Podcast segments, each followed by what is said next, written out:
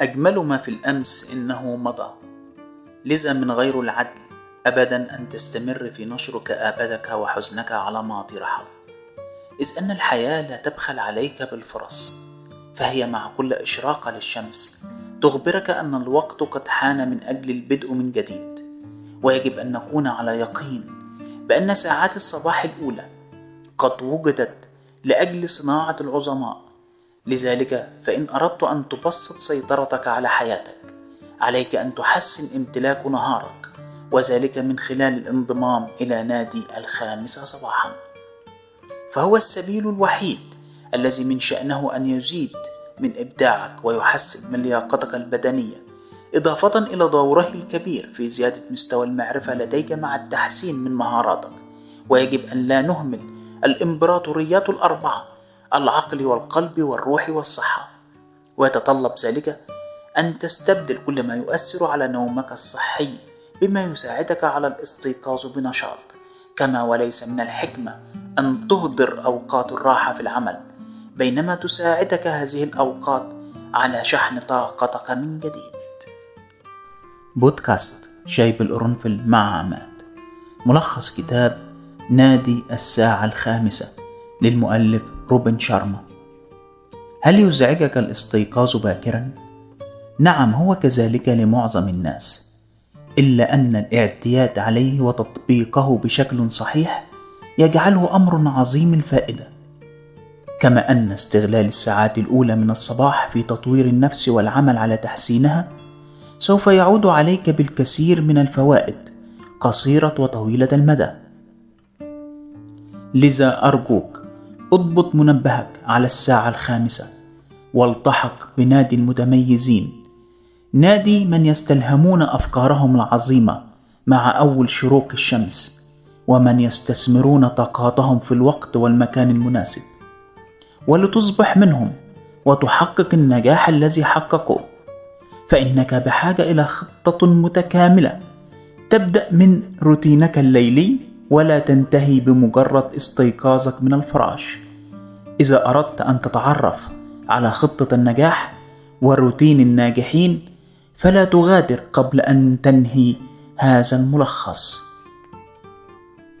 إن الاستيقاظ صباحا هو أحد أهم أسباب النجاح والتميز.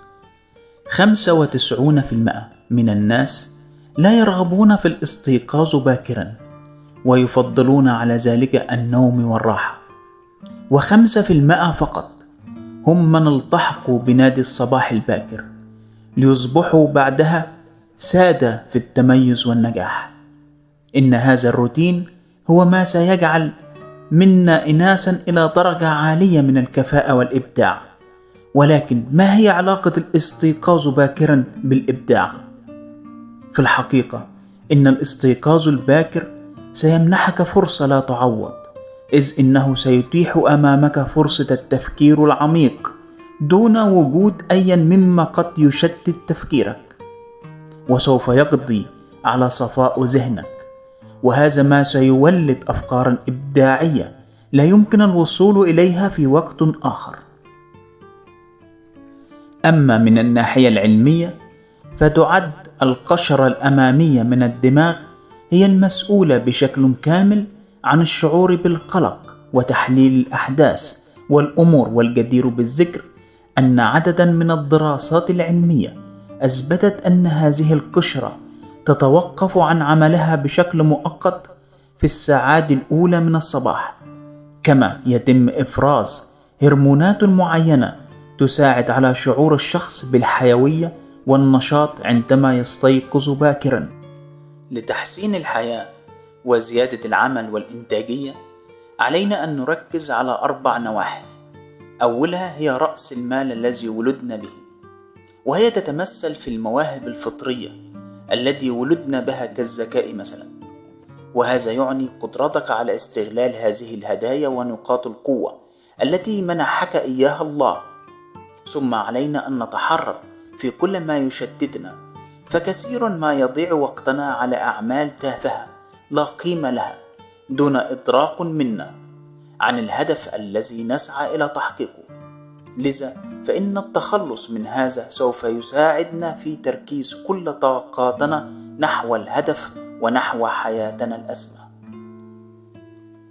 ترتيب المهام اليومية بحيث أن نقوم بوضع المهمة الأكثر أهمية قبل غيرها، وهكذا إلى أن نشكل خطة عمل يومية لا نهدر فيها أوقاتنا فيما لا فائدة منه، ويتبع ذلك التركيز على تطوير أنفسنا.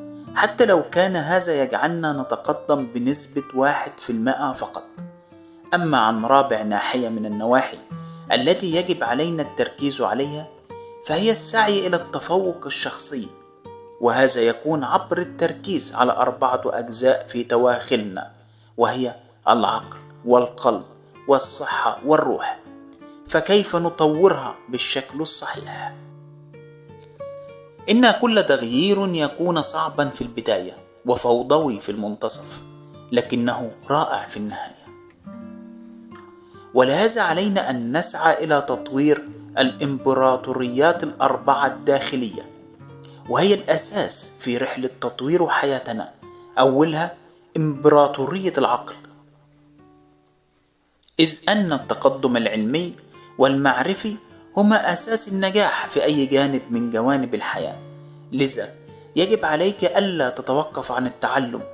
كلما أتيحت لك الفرصة واحرص دائما على إحاطة نفسك بالأفكار الإيجابية واستمر في القراءة فإن لها دور كبير في تطوير العقل. الإمبراطورية الثانية وهي إمبراطورية القلب. إذ أن للعاطفة أهمية كبيرة لا يجوز تهميشها فإنها تساوي في أهميتها أهمية المنطق وذلك لأنها تؤثر على قراراتك المصيرية. لذا عليك أن تحسن الجمع بين المنطق والعاطفة. فلا تقدم على اتخاذ أي قرار دون أن تدرسه من كلا الجانبين مع ضرورة التخلص من العواطف السامة والمؤلمة القادمة من تجارب الماضي. ولكن كل هذا سيكون صعب التحقيق دون رعاية إمبراطورية الصحة. لهذا على الإنسان أن يحافظ على صحته الجسدية عن طريق تحسين جودة الأكل وممارسة الرياضة.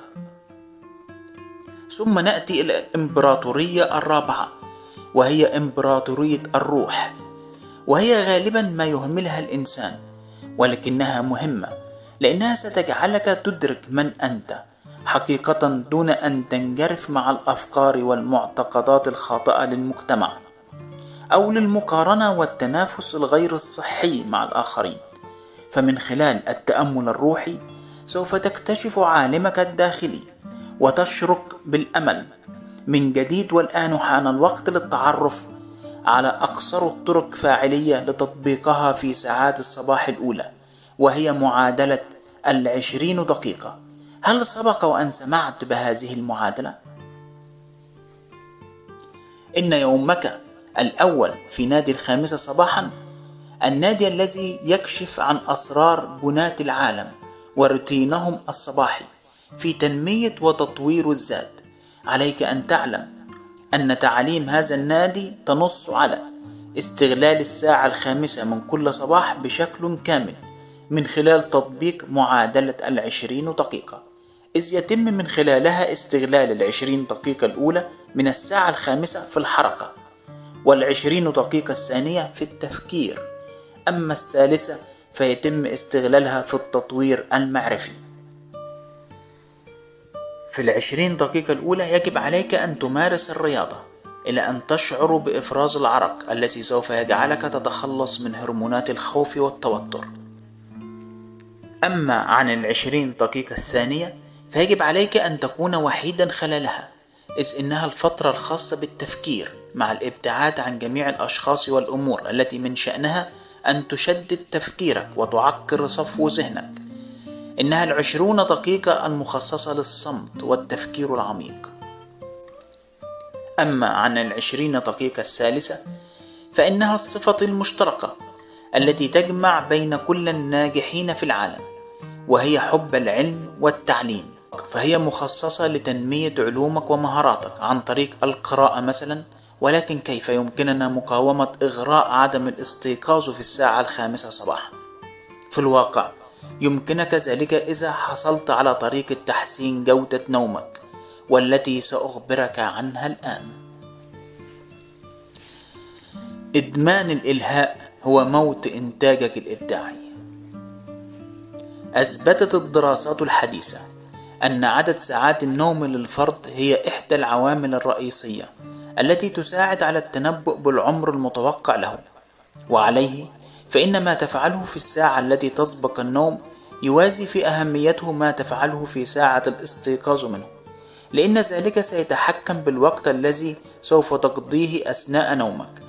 في حال كنت من الأشخاص الذين يعانون اضطراب في النوم فقد أثبتت العديد من الدراسات والأبحاث أن الأشعة الزرقاء المنبعثة من شاشات الأجهزة الإلكترونية تعيق إفراز الهرمونات المسؤولة عن النوم الأمر الذي سيؤدي حتما إلى حدوث اضطراب في النوم كالأرق.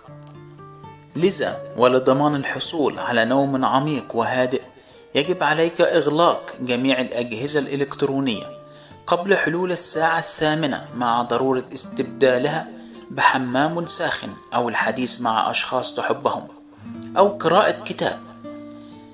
ولابد من الإشارة إلى أن وقت النوم يحين عند حلول الساعة العاشرة إذ أن نومك في هذه الساعة سيساعدك في الحصول على وقت كاف للنوم والراحة مما يجعلك تستيقظ في اليوم التالي على درجة عالية من النشاط والحيوية. هذا بالنسبة إلى النوم ولكن ماذا عن أوقات الراحة؟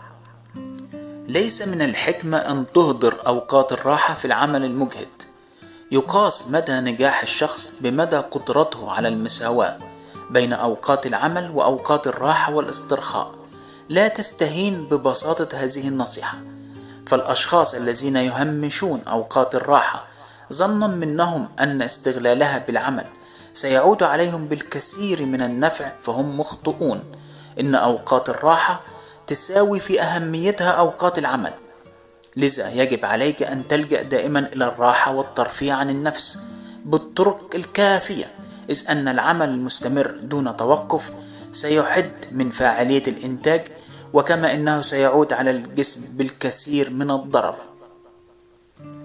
وأخيرا لتصبح أحد الأبطال المميزين في العالم عليك أن تتحلى بفضائل هؤلاء المميزين ومنها أن تحترم قوة الكلمة.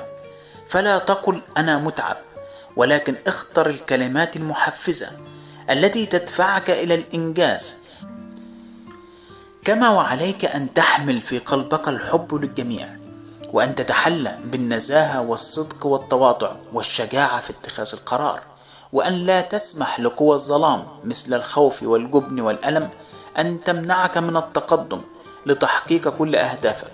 فقرة بارزة. إن القيود ليست أكثر من عقلية يتبناها الكثير من الأشخاص الجيدين يوميا حتى يعتقدون إنها حقيقة واقعة. إنما يؤلم قلبي أن أرى الكثير من البشر الأقوياء عالقين في قصة حول سبب عدم قدرتهم على أن يكونوا استثنائيين على المستوى المهني والشخصي. عليك أن تتذكر أن أعذارك مغوية ومخاوفك جاذبة وشكوكك لصوص.